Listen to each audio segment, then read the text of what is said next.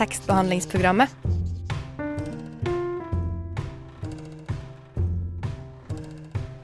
Tekstbehandling på radio.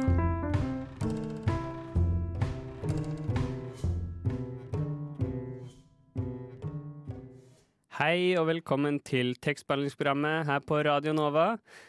Stemmen du hører her, hører til uh, Torolf Høstmælgen. Uh, jeg sitter her i studio sammen med Hanna Nordlien Berg. Hallo! Hei.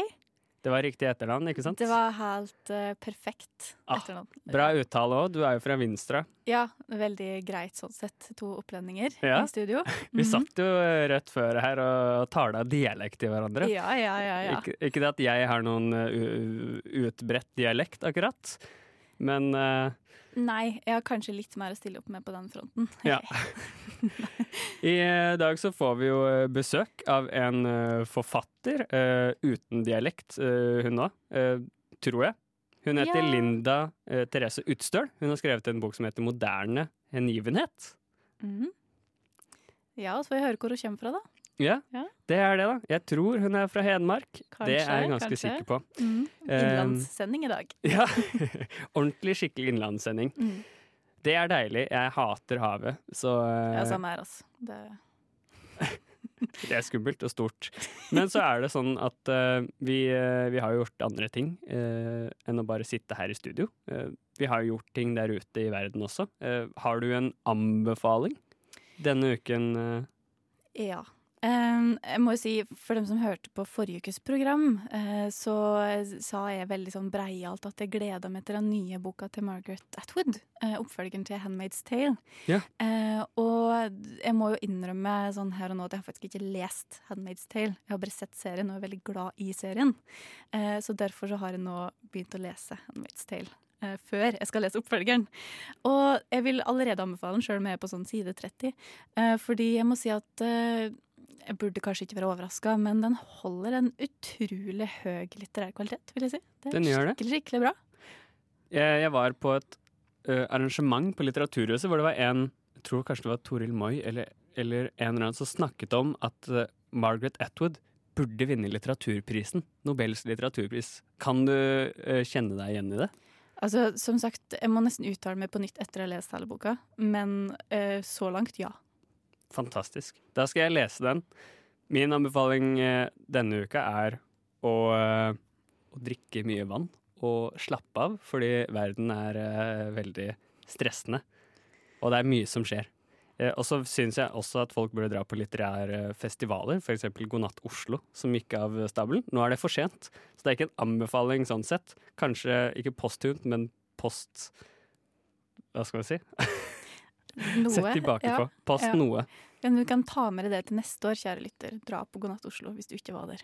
Ikke sant? Og Ja. drikk mye vann. Det er viktig. da tror jeg vi skal høre en eh, sang. Eh, nå skal vi høre Deborah's eh, Child med Margaret Hymn. Det var den deilige Margaret's Hymn av Deborah's Child her i tekstbehandlingsprogrammet på Radio Nova. Tekstbehandlingsprogrammet for deg som vil ligge på en skinnfell foran peisen og drikke vin og høre på gode bøker. Og så begynner vi. Det vil jeg i hvert fall, og det vil Hanna også. Vi får spørre om Linda Therese Utstøl også vil ligge på en skinnfell og drikke vin og lese gode bøker. Eh, Fordi nå er hun også med oss her i studio. Velkommen til tekstbehandlingsprogrammet, Linda. Takk, takk. Ja, det høres ikke ille ut, det. Nei, litt vin og litt bøker og sånne ting. Og skinnfyll, ikke minst. Um, uh, nå har vi jo faktisk også etablert at du har også dialekt, stemmer det?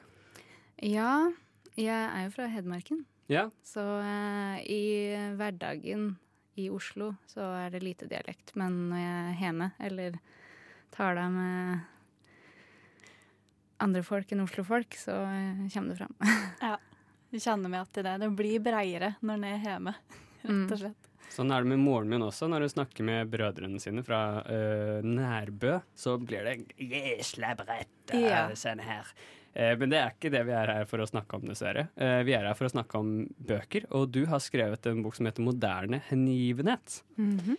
det er en diktsamling som kommer ut på Flamme forlag, som kom ut i forrige uke, stemmer det? Mm.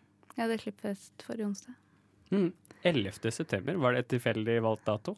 Eh, det var det som passa for eh, band og redaktør og det, var, eh, det hadde ikke så mye med 11. september å gjøre. Nei, eh, heldigvis ikke, for en tru. eh, nei, dette her er jo på en måte debutboka di som aleneforfatter, men du har jo skrevet ei bok før, sammen med Unnveig Aas.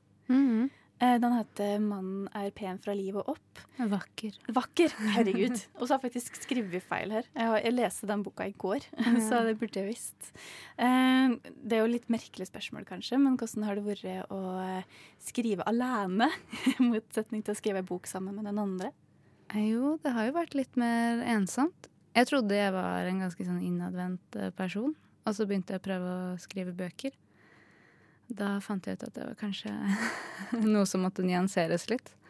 Men Man, eh, det er jo annerledes Eller når man har eh, forlag og redaktør, så har man jo på en måte noen å samarbeide med. Eh, Men det blir noe litt annet enn å skrive sammen og hele tiden jobbe med et prosjekt sammen. Men ei venninne, da. Var det lettere å skrive den uh, alene, eller var det lettere å skrive sammen med en venninne? Eh, eh, lettere på forskjellige måter, kanskje. Uh, fordi man Altså, sammen så har man hele tiden noen å liksom spille ball med. Mens eh, når man skriver alene, så kan man jo bare ta alle avgjørelser selv og skrive akkurat det prosjektet man vil, og slippe å ta hensyn til noen andre. ja. Og det, det kan jo være deilig, uh, ser jeg for meg. Hvem var det du skrev eh, den andre med? Uh, det var uh, Unnveig Aas. Det sa jeg, Torolf. Ja, det gjorde du. Herregud. Vet du hva? Vi, følge med. vi hadde jo uh, Ylva Østby her for, uh, for ikke så lenge siden, og hun sa at uh, man glemmer ting hele tiden. Ja. Så det er helt OK. Er. Så jeg tar ikke selvkritikk på det, Hanna. Men, men takk for at du sa det likevel. Jeg måtte bare hevne meg litt, så jeg sjøl sa tittelen til boka feil. Så jeg beklager. Men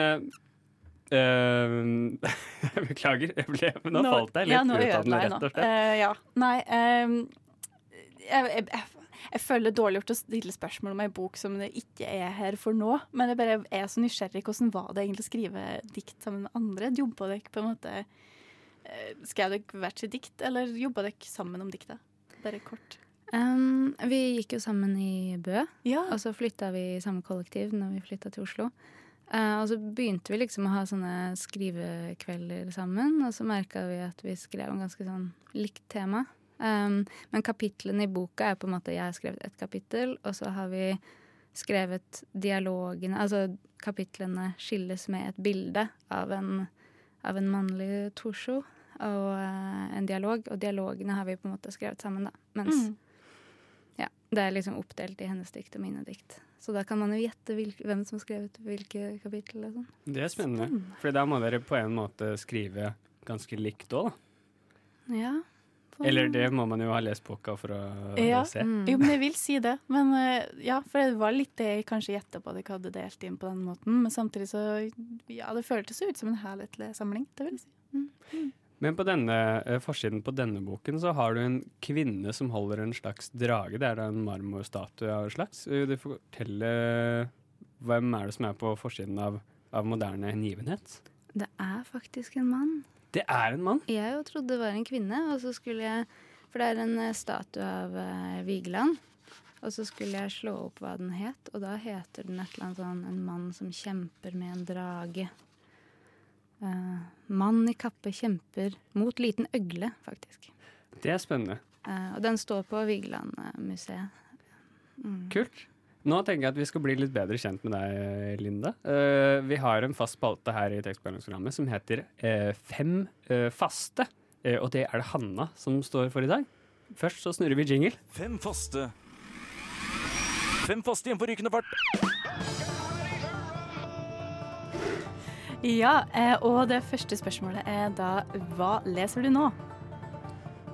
Hva leser jeg nå? Jeg leser Pickwick Papers av eh, Charles Dickens. Uh, spennende. Og eh, hvilken font skriver du? Times New Roman. Klassisk. Hvor skriver du? Akkurat nå sitter jeg på skriveloftet på Litteraturhuset. Mm. hva var din favorittbok som barn? Mm, Harry Potter. Og siste spørsmål er hvis du ikke var forfatter, hva ville du vært da? Eh, sikkert på Blindern og tatt flere fag.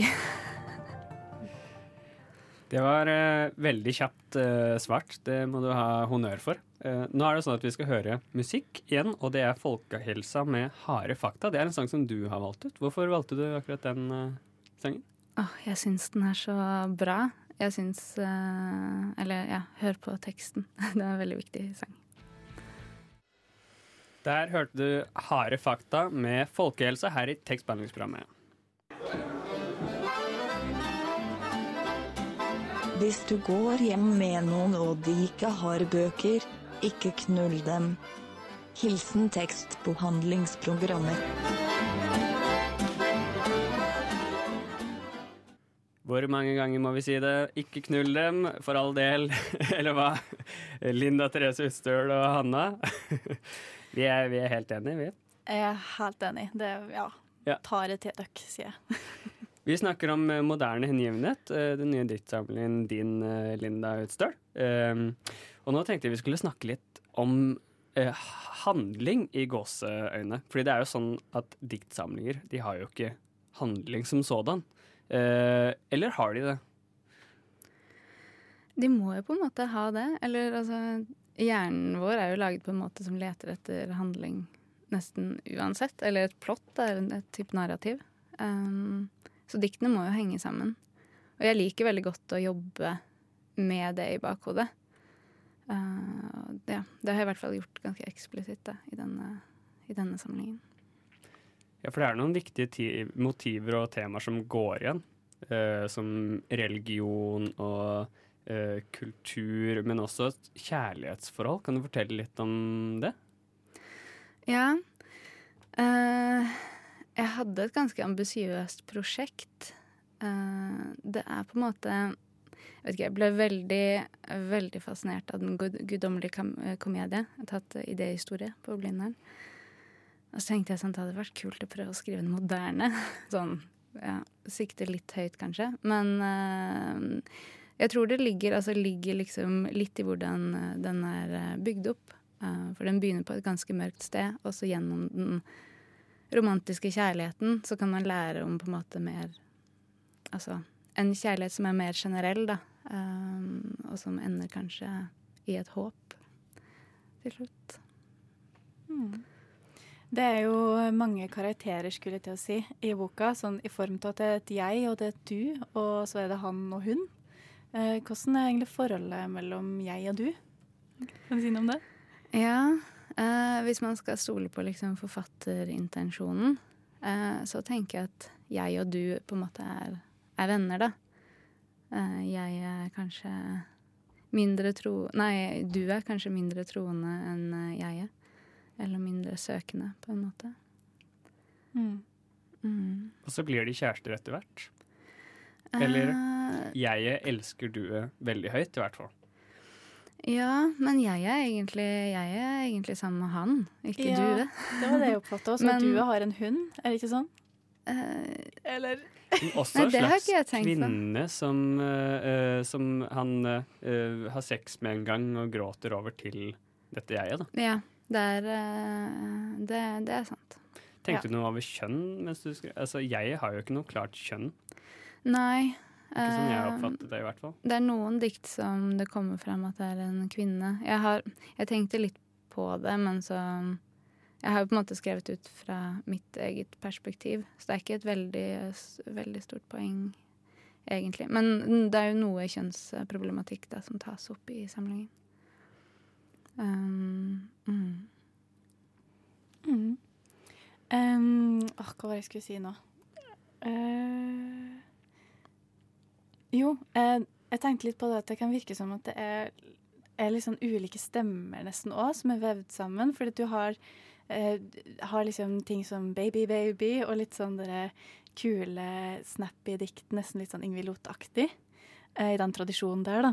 eh, eh, som er litt som er sånn yngre. Og så har du ting som er mer tyngre og skriftlige, f.eks. setninger som 'moralsk intuisjon må kultiveres' og sånne ting. Litt mer sånn smarte ting som på en slags måte blir en sammenheng. Hva har du tenkt om, om det? Ja, jeg liker liksom å blande Blande det pretio- pretensiøse inn i liksom sånn noe lett og lekent og barnslig. Eller sånn man prøver jo å få Eller i hvert fall hensikten med diktsamlingen er jo å prøve å få et eller annet inntrykk av eh, verden eller virkeligheten og hvordan det funker. Og begge de tingene er jo, er jo del av den. Kan du lese litt fra diktsamlingen eh, for oss? Ja, det kan vi gjøre. Skal vi se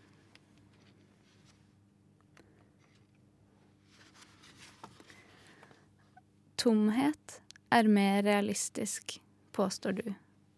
Ulykkeligheten kommer av at du er for reflektert. Jeg kan kjenne igjen tilbøyeligheten, tryggheten i arroganse. Ordet ensomhet forfører lokker med løftet om innsikt og selvhøytidelighet, evnen til å avmystifisere verden, lysten til å bygge høye bygninger i flatt landskap, konstruere metropolis. Tusen takk. Nå skal vi høre Unnveig Aas med 'Mama I Want To Be Young', som også er en sang som du har uh, valgt. Hvorfor uh, tok du med den? Uh, jeg har hørt veldig mye på Unnveig Aas i det siste. Ja, det er bra sånn høstmusikk. Så, mm. Deilig høstmusikk her. Du hørte ikke Happy Dagger, Unnveig Aas med 'Mama I Want To Be Young' her i tekstbehandlingsprogrammet. Du Du Du hø hører På på Radio Nova. Vi er her fortsatt. Torolf, Hanna og Linda Utstøl. Eh, skal jeg si Therese også? Jeg vet liksom ikke. Jeg føler det klinger bedre med Therese. Men det er langt, da. Linda Therese Utstøl. Det er gode, gode navn. Men vi er her for å snakke om boka di. 'Moderne hengivenhet'. Og eh, vi skal snakke litt om kulturreferanser og religion, tenkte jeg. Store temaer. Men det er mye av det i uh, diktsamlingen din. Og spesielt Dantes uh, 'Den guddommelige komedie' uh, går igjen. Faktisk så åpner eh, diktsamlingen din med de to første linjene fra Dantes guddommelige komedie. I hvert fall eh, noe som ligner, fant jeg på bokhylla. Kan du si litt om det? Ja, jeg ville jo Jeg har prøvd å eh, skrive dikt som på en måte Du trenger ikke å ta referansene for at det skal være gode dikt som gir deg noe. Men så er det jo litt kult, da, når man sånn begynner å kjenne igjen eh, eh, Kjenne igjen litt sånn tradisjonelle temaer. Jeg tenker jo vi har veldig eh, Sjokk at en idéhistoriestudent sier dette, men jeg tenker jo vi har veldig mye å lære av eh, de som har skrevet litteratur eh, før oss. Um, mm. Og gøy å spille, på en måte, spille litt på det. Er det litt farlig også å stille seg liksom i Hva skal man si? Sammen med de store gutta, på en måte? Ja, det er jo, det er jo egentlig kanskje det, men det burde jo ikke være det. Eller jeg liker ikke at den høyverdige litteraturen skal være liksom et sted, et sted oppe for eh, elitefolk. Vi må på en måte få de ned på jorda igjen. For det er jo, det er jo viktig å lese god litteratur. Um, men det med, fordi det er jo både kulturelle referanser òg, men det er jo en del referanser til religion, og da spesielt kanskje kristendom. Uh, altså i hvert fall rent ordrett. Eh, og jeg, jeg tenkte på Mange maskerer jo på en måte religiøs tematikk eh, med andre ord og med andre, andre vendinger. De to mest kjente eksemplene er kanskje Tolkien og C.S. Lewis, som hadde den krangelen med at eh, Gandalf og Jesus og alt det der, ikke sant? Um, hva har du tenkt om det? For at du bruker jo Gud og Jesus eksplisitt i diktene dine. Ja. Jeg vet ikke. Jeg har, jeg har litt l- lyst til å være litt sånn opprørsk og motkulturell. Man blir jo fortalt at liksom, ok, hvis du er religiøs, det skal du være liksom privat. Du må ikke snakke om det. Du kan snakke om på en måte termer som Human-Etisk Forbund har bestemt. Og da kan man snakke omtrent det samme, bare at du ikke får lov til å snakke om Gud. Uh, og jeg vet ikke. Jeg liker ikke en sånn derre en sånn diskurs hvor det religiøse blir holdt så utenfor, da, som jeg opplever at det blir nå. Mm. For det er jo, det er jo veldig viktig i, eh, i kjempemange liv, og spesielt resten av verden. Mm. Jeg må si sånn personlig så syns jeg det var ganske forfriskende at du på en måte bare sa det rett ut. Eh, At det var litt spennende. Mm. Mm. Fordi kjæresten blir jo også eh, sammenlignet med Eller duet blir sammenlignet med Jesus, eh, på en måte. Det er uh, em, drikker for mye, og så sier jeg direkte etterpå Nå skjønner jeg hvorfor Jesus gjorde vann om til vin. Mm. Ja, det blir jo kanskje mer effekten av uh, Ikke at du nødvendigvis er Jesus, men at uh, Ja. Men det har jo en, eh, en eh, litt dypere betydning også, enn bare sånn Det er Hvilken bra å drikke seg full. Ja, hvilken Nei. betydning? Det er jo spennende.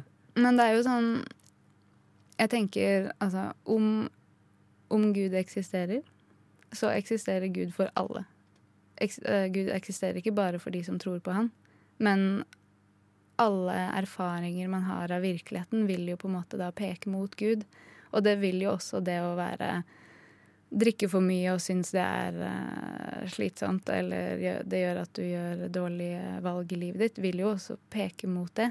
Men på den andre siden, da, hvis Gud ikke eksisterer, så eksisterer ikke Gud for de religiøse heller. Men hvis Gud eksisterer, eksisterer da også helvete? Nå, Nå er vi inne på vi helt. Dette er religionsbehandlingsprogrammet, ja. Altså, personlig ville jeg sagt eh, Det er vanskelig å se for seg en religion som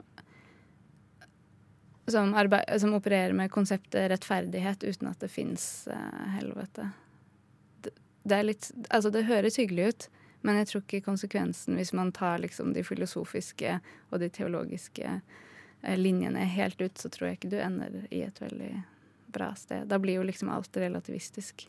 Men du baserer også mye av uh, diktsamlingen på en bok som hele konseptet er at en mann blir fulgt igjennom helvete, og så Mm. havner i himmelen, på en måte. Ja. Og det er jo litt spennende. Mm. Er, eh, mitt helvete er jo, er jo liksom denne relativistiske uh, tilværelsen vi befinner oss i. At du bare kan definere for deg selv hva som er godt og hva som er ondt. Um, som er ganske interessant, fordi samtidig, sånn, når man engasjerer seg politisk, så vil man jo gjerne bruke de avgjørelsene man har tatt om godt og ondt, og påføre de på andre mennesker ser man jo i klimadebatten eller i metoo-debatten eller Så man på en måte er relativistisk, men ikke helt, virker det som. Mm. Ja, du har jo, eh, Apropos klimadebatten, du har jo et dikt om, om vindkraft. Ja. det passer jo veldig godt i disse dager her. Ja. Ja. Bare tenkte du sånn eh, eh, Hva heter eh, Bevisst rundt å liksom ta inn sånne i tiden-temaer og blande det med mer klassiske temaer? Ja, fordi eh, det er liksom sånn Man har så mye å hente da av eh, noen, noen av de tradisjonelle konseptene. Jeg tror Bjørn Sterk drev og skrev om at det var så synd at vi har, eh, har ikke noe begrep for synd. Og det hadde vært kjempe, kjempenyttig både i klimadebatten og i måte, debatter om seksuell moral som eh, metoo har ført med seg. Eh, at det blir kanskje en nyttigere måte å snakke om det enn å bare snakke om flyskam og om staten skal kontrollere hva du skal gjøre, eller om individet selv skal velge å fly til mm. uh, Dubai på ferie. Um, man mister mye når man ikke har en felles moralsk plattform da, å snakke ut ifra. Og så kan man jo diskutere hvilke av de tingene som er rett og galt, men Nå tenker jeg vi skal høre litt musikk igjen, og eh, det er Happy Dagger med Da jeg vokste opp. Det var Happy Dagger med tida da jeg vokste opp her i tekstbehandlingsprogrammet. Hei, jeg heter Aune, og du må høre på tekstbehandlingsprogrammet. Fordi kunnskap og viten, det er det mest vidunderlige på denne jorden. Takk for den, Aune Sand. Eh, Hanna og Linda Therese Ustøl. Dere sitter her fortsatt, og jeg heter Torolf. Jeg er her også. Vi snakker om boka di 'Moderne hengivenhet', og jeg tenkte vi skulle snakke litt om eh, form eh, til eh, diktene. Det er spennende. ja. Eh, nei, eh, jeg ble lurt på For i forrige diktsamling, som vi snakka en del om i stad, som husker jeg sammen med oss, så var det mye prosadikt, eller kortprosa, eller hva man skal kalle det. Men nå har det satt opp mer tradisjonelt som eh, dikt. Eh, hvorfor det, skulle jeg si? eller hva tenker du rundt det? Var det naturlig at det ble sånn? Ja, jeg vet ikke. Jeg er ikke så flink på liksom sånn det formelle og tekniske. Jeg skriver mest på sånn intuisjon. Sånn Dette føles bra. Så dere vet sikkert mer om det, dette enn meg. Og jeg vet ikke om det, men, men skriver du prosa i tillegg, eller skriver det mest dikt det går i? Ja, jeg skulle jo prøve å skrive en roman, men så ble det liksom eh, den diktsamlingen. Men jeg har fortsatt ja, begynt å rydde Nå har jeg begynt å rydde i alle de 50 dokumentene med notater, så det kan jo hende det blir noe annet etter hvert. Men, eh, eller mer dikt. Det er jo spennende at du startet på en roman, eller prøvde, eller forsøkte, eller tenkte, så for deg en roman, og så bare støpslet du det inn i disse uh, ganske prosaiske diktene, kan man uh, si. Ja. ja. Nei, jeg vet liksom ikke helt uh. Jeg leser også mest prosa. Um, så det er, det er litt et spennende- mysterium at jeg skriver poesi. Men det er jo litt spennende å, lese dikt også, som er, fordi de er jo ganske muntlige. og sånn, øh, De har jo ikke sånn hva skal man si, en klassisk sånn dikterisk øh, rytme, eksempel. De er veldig sånn talete av seg. Jeg vet- Mm. hva- Tenkte du på det mens du skrev det? Jeg har liksom lyst til å, lyst til å skrive dikt som man, ikke, altså, som man ikke trenger en master i litteraturvitenskap for å synes er interessante. Som kan liksom snakke litt bredere, da. Syns det er veldig kult at måte Instagram har blitt en plattform hvor dikt på en måte har fått et nytt liv. Selv om det kanskje ikke alt som er av like høy kvalitet, så er det jo gøy at, har, at dikt er blitt mainstream på en annen måte. Mm. Ja, fordi eh, når jeg tenker over det, så er det kanskje ikke så mye sånne bilder og metaforer. eller sånne Metaforer kan jo godt hende det er, men sånn, det er kanskje ikke så mye sånne rene drypper og sånne type bilder i boka di. De er sånn rett fram, kanskje? Eller? Ja, kanskje. Jeg har brukt øh, har prøvd å bruke havet som en eller annen eh, Eller bruke naturen, da, fordi det er Mm. også på en måte mer allment. Um, men det er jo eh, Det er jo ikke bare natur. Nei, jeg vil si at det er på en litt, eh, litt annen måte enn en en finner i mange sånne klassiske, typiske dikt som en ja, les mange av. Mm. no offense. No offense. Jeg skriver mange av dem sjøl, jeg. Så det ikke noe galt om det. Nei, nei, nei. Eh, Har du lyst til å lese litt mer fra diktsamlingen din for oss? Ja, det kan jeg. Um, OK. Her skjer ulykkene som fører til protesepupper. Mengden mennesker som kritiserer seg selv for alt annet enn forfengelighet. Er det ikke spennende med et menneske som kan overraske? Vi burde alle være elefantmenn. Vi burde alle kunne vise fram en skavank i et anatomisk teater. Mobilisere kraft og myndighet. Ta ansvar for idealene våre. Jeg føler meg heldig. Jeg lærte alternative måter å være kvinne på. Ble enorm av glede og ærefrykt. Har det skrevet på hjertet at det ikke hjelper å speile seg hvis du ikke vet hva du burde speile deg i. Tusen takk for at du kunne komme hit til tekstbehandlingsprogrammet. Linda Therese Utstøl. Eh, boka di, 'Moderne hengivenhet', den er vel i alle bokhandler eh, i hele Norge, regner jeg med? Ja, vi får vel tro det. Ja, Så eh, kjære lytter, eh, løp og kjøp. Og så må jeg bare si tusen takk for at du kom. Eh, det har vært veldig hyggelig å snakke med deg. Ja, tusen takk for invitasjonen. Nå skal vi høre mer musikk. Det er Max Marvelous med 'Medicine Taxi Driver'. Deilige Taxi Driver av Max Marvelous Medicine her i tekstbehandlingsprogrammet på Radio Nova. Er du hypp på å lese en bok, eller? Nå er det bare meg, Torolf Høstmælingen, og deg, Hanna Nordlienberg, i studio. Eh, Ensomt. Ensomt, ja, men heldigvis så har vi klart å holde oss til ett fylke, og det er Oppland. Eh, Det, Ja, nå, nå krysser vi ingen Neida. fylkesgrenser. det var faktisk veldig hyggelig å ha besøkt en hedmarking. Det var det. Ja. De er snille, de. Mm. Right, Godt folk. lynne. Som man sier. Men eh, vi har jo gjort andre ting, vi, eh, Hanna, enn å lese bøker. Vi har jo vært og hørt på folk snakke om bøkene sine på God natt Oslo. Eh, Det har vært helt crazy det siste. året. bare, ja, vi har fyrt den av litterært, som man sier på dansk. Det sier man bare på dansk. Fyrt den av. Men det, det var da en festival, en litteraturfestival som foregikk nede på Salt her, på, her i Oslo. eh, fra mellom 12. og 14. september. Eh, det var veldig mye spennende, veldig mange spennende folk eh, som var der. Syns ikke du også det, Hanna?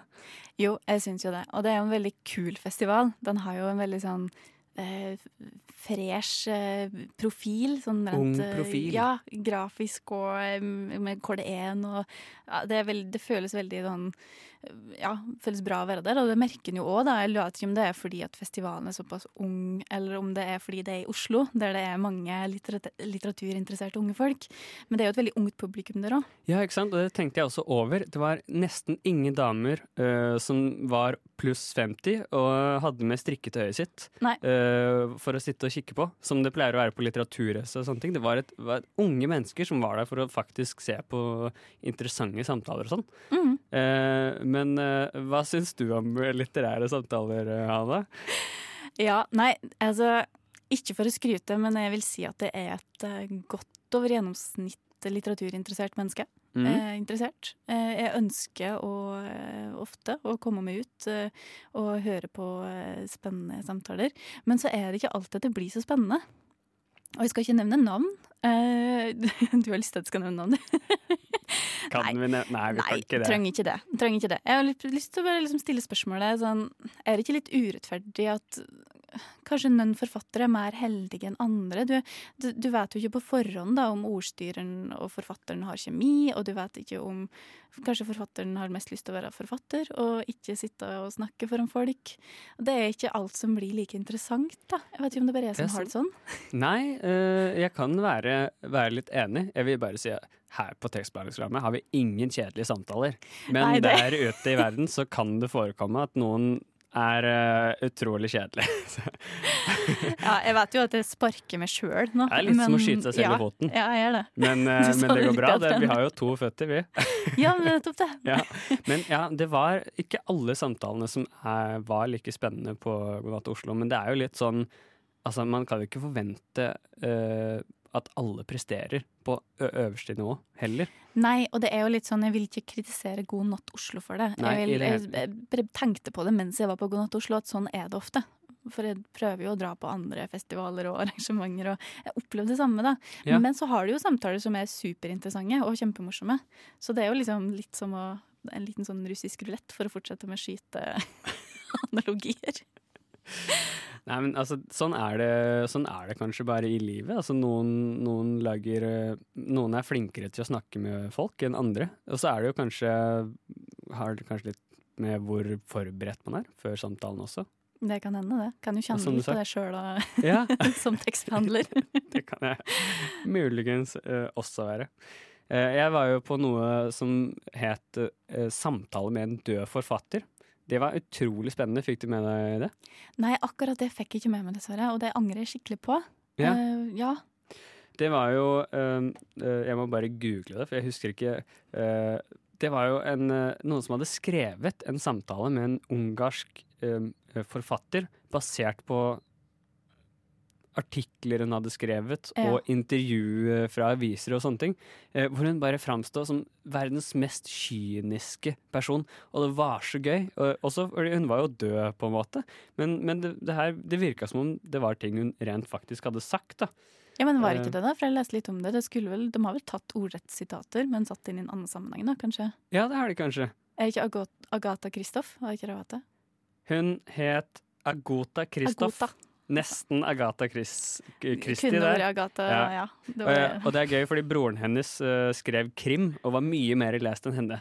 Men han het da ikke Ag Agota Kristoff. Men det er litt ironisk å hete det, og ikke, uh, ikke skrive krim. Men uh, det var veldig spennende. Uh, um, det var da samtale mellom eh, eh, mellom eh, en fyr og, eh, og, og Gisken Arman, eh, Mm. som, som spilte da Agota Kristoff. Ekstremt interessant.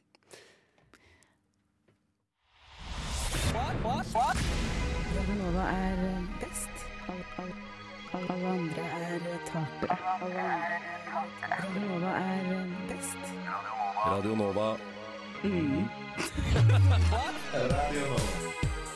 Radio Nova. Siden 1982 har Radio Nova gitt deg favorittmusikken din før du visste at du likte den.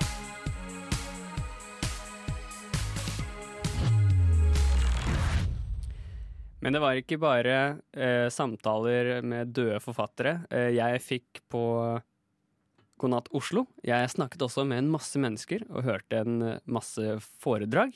Eh, og eh, vi skal høre en liten stemningsrapport fra God natt Oslo som jeg har laget.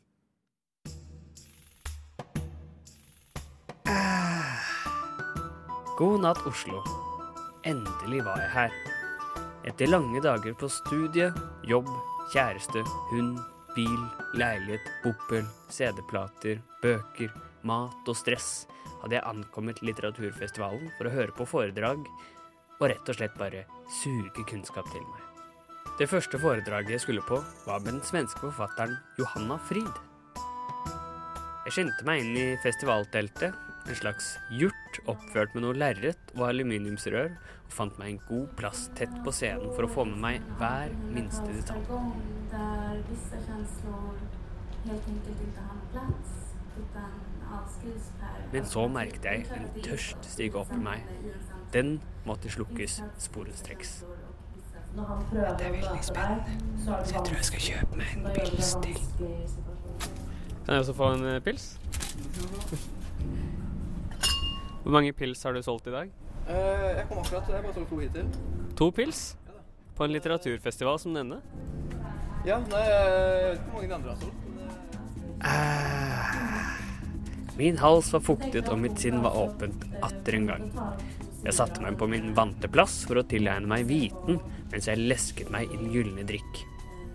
Foredraget handlet om den nylig oversatte romanen til Johanna Frid, som het Nora eller Brenn, Oslo Brenn. I deler av boka så er han ganske imøtekommende og prøver å finne ut hva det er som egentlig skjer. Og Jeg fulgte nøye med, men i min konsentrerte tilstand la jeg merke til at min øl var tom. Jeg var stadig tørst, merket jeg, og for å holde konsentrasjonen oppe måtte mine kroppslige distraksjoner elimineres. Hallo igjen. Én øl. Hvor mange øl har du solgt nå? Eh, jeg har ikke akkurat et helt tall på det, men eh, en, en del, en god del. Det har vært en del vin også. I stad så hadde du solgt to, Ja. men nå har du kanskje solgt 20? Uh, nei, kanskje 50, 60, 70. Da jeg kom tilbake, var foredraget over. Ja ja. Det er vel flere foredrag her på bruket, tenkte jeg. Og det var da jeg så en ung gruppe intellektuelle sitte ved båltønnene i en halvmåne med lyttende kroppsspråk og blikket rettet mot én person med flammende blikk og entusiasme. Hun var i ferd med å legge ut om den mystiske kunstformen pop art. Har noen øh, vinkla innenfor syn til pop, norsk popkunst, pop art, eh, kommer eh, altså for øvrig uttalt som. På 70-tallet, da de snakka om det på NRK, på disse programmene som gikk da. Eh, pop kommer jo, popkunst kommer fra amerikansk popkunst. Og det var en veldig kapitalistisk kunst. No shit. For en øyenåpner! Sjelen dirret av viten. Jeg ble nødt til å få mer kunnskap. Helt plutselig fant jeg meg i samtale med en av bartenderne på festivalen, sammen med Jenny, en som var like kunnskapsrik om popkunst som meg. Jeg vet ikke, hva vil du spørre om? Hei. Kunne jeg fått en øl? Ja, sure. Bartenderen var fra Colombia og hadde mye å fortelle. Which uh, city is your favorite city? Mm, good question. Maybe, uh, maybe it's Moscow? No, I think it's uh, maybe Reykjavik. Reykjavik? Perhaps, yeah. Or if not, Barcelona. Yeah. Uh, if Gunat Oslo should have had an, another ending, which city would have replaced Oslo? Uh, Madrid or Barcelona. Good night, Madrid. Siste stopp på denne utrolige festivalreisen kom da jeg fikk snakket med forfatter Erlend Lo. Jeg har lenge vært betatt av bøkene hans, så det å snakke med personen bak bøkene gjorde meg klam i hendene, rett og slett. Jeg fikk derfor bare fram spørsmålet Hvilken sykkel eh, har du? Jeg har flere. Hva er yndlingssykkelen? Yndlingssykkelen de siste seks-sju månedene er en enhjulssykkel. En enhjulssykkel? En eh, terreng-enhjulssykkel? Ja, nettopp. En fett uh, Ja, du har hørt om det, med andre ord. Ja. Den eh, må jeg si at jeg har blitt eh, overraskende knytta til. Jeg var ute på tur eh, senest i dag, og egentlig nesten hver dag. Det er ganske imponerende, og jeg kan ikke sykle på enhjulssykkel, en og problemet som mann er alltid at man får vondt uh, der nede, syns jeg, når man forsøker. Du har prøvd på enhjulssykkel? Ja, jeg har prøvd enhjulssykkel, men helt vanlig på flat. eh, Men jeg vet ikke, det- Kanskje det er noe demping på det, eller noe? Det er ikke demping, men det her er en sykkel eh, fra en som heter Chris Holm, som har tenkt på saken, så det setet er veldig bra. Og i tillegg bruker jeg en sånn uh, sykkelshorts, da. Ja. Det er veldig gøy. For en opplevelse. Ja ja, jeg måtte bare trøste meg med enda en gyllen drikk, og God natt Oslo var over for denne gang.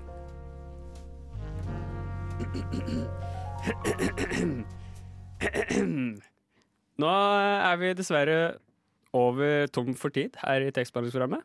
Eh, Dessverre. Jeg, Torolf, og du, Hanna, har mm. ikke mer tid. Nei, det er sånn livet er, rett og slett. Av og til så går en tom for tid. Ja. Det er eh, helt forferdelig trist. Jeg skulle gjerne sittet her til i morgen ja, og snakket om tant og fjas. Ja, ja, ja. Er det noe jeg liker, så er det tant og fjas. Ja, ikke Så det- sant?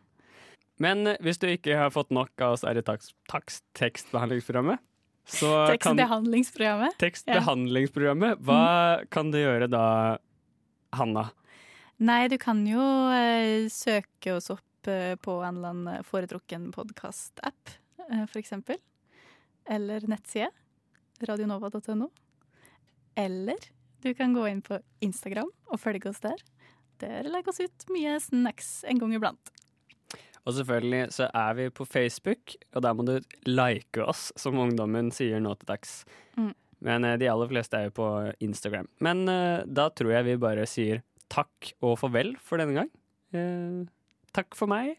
Uh, takk for meg òg. Og tusen takk til Ulrikke Svenne, som var tekniker i dag. Tekstbehandlingsprogrammet.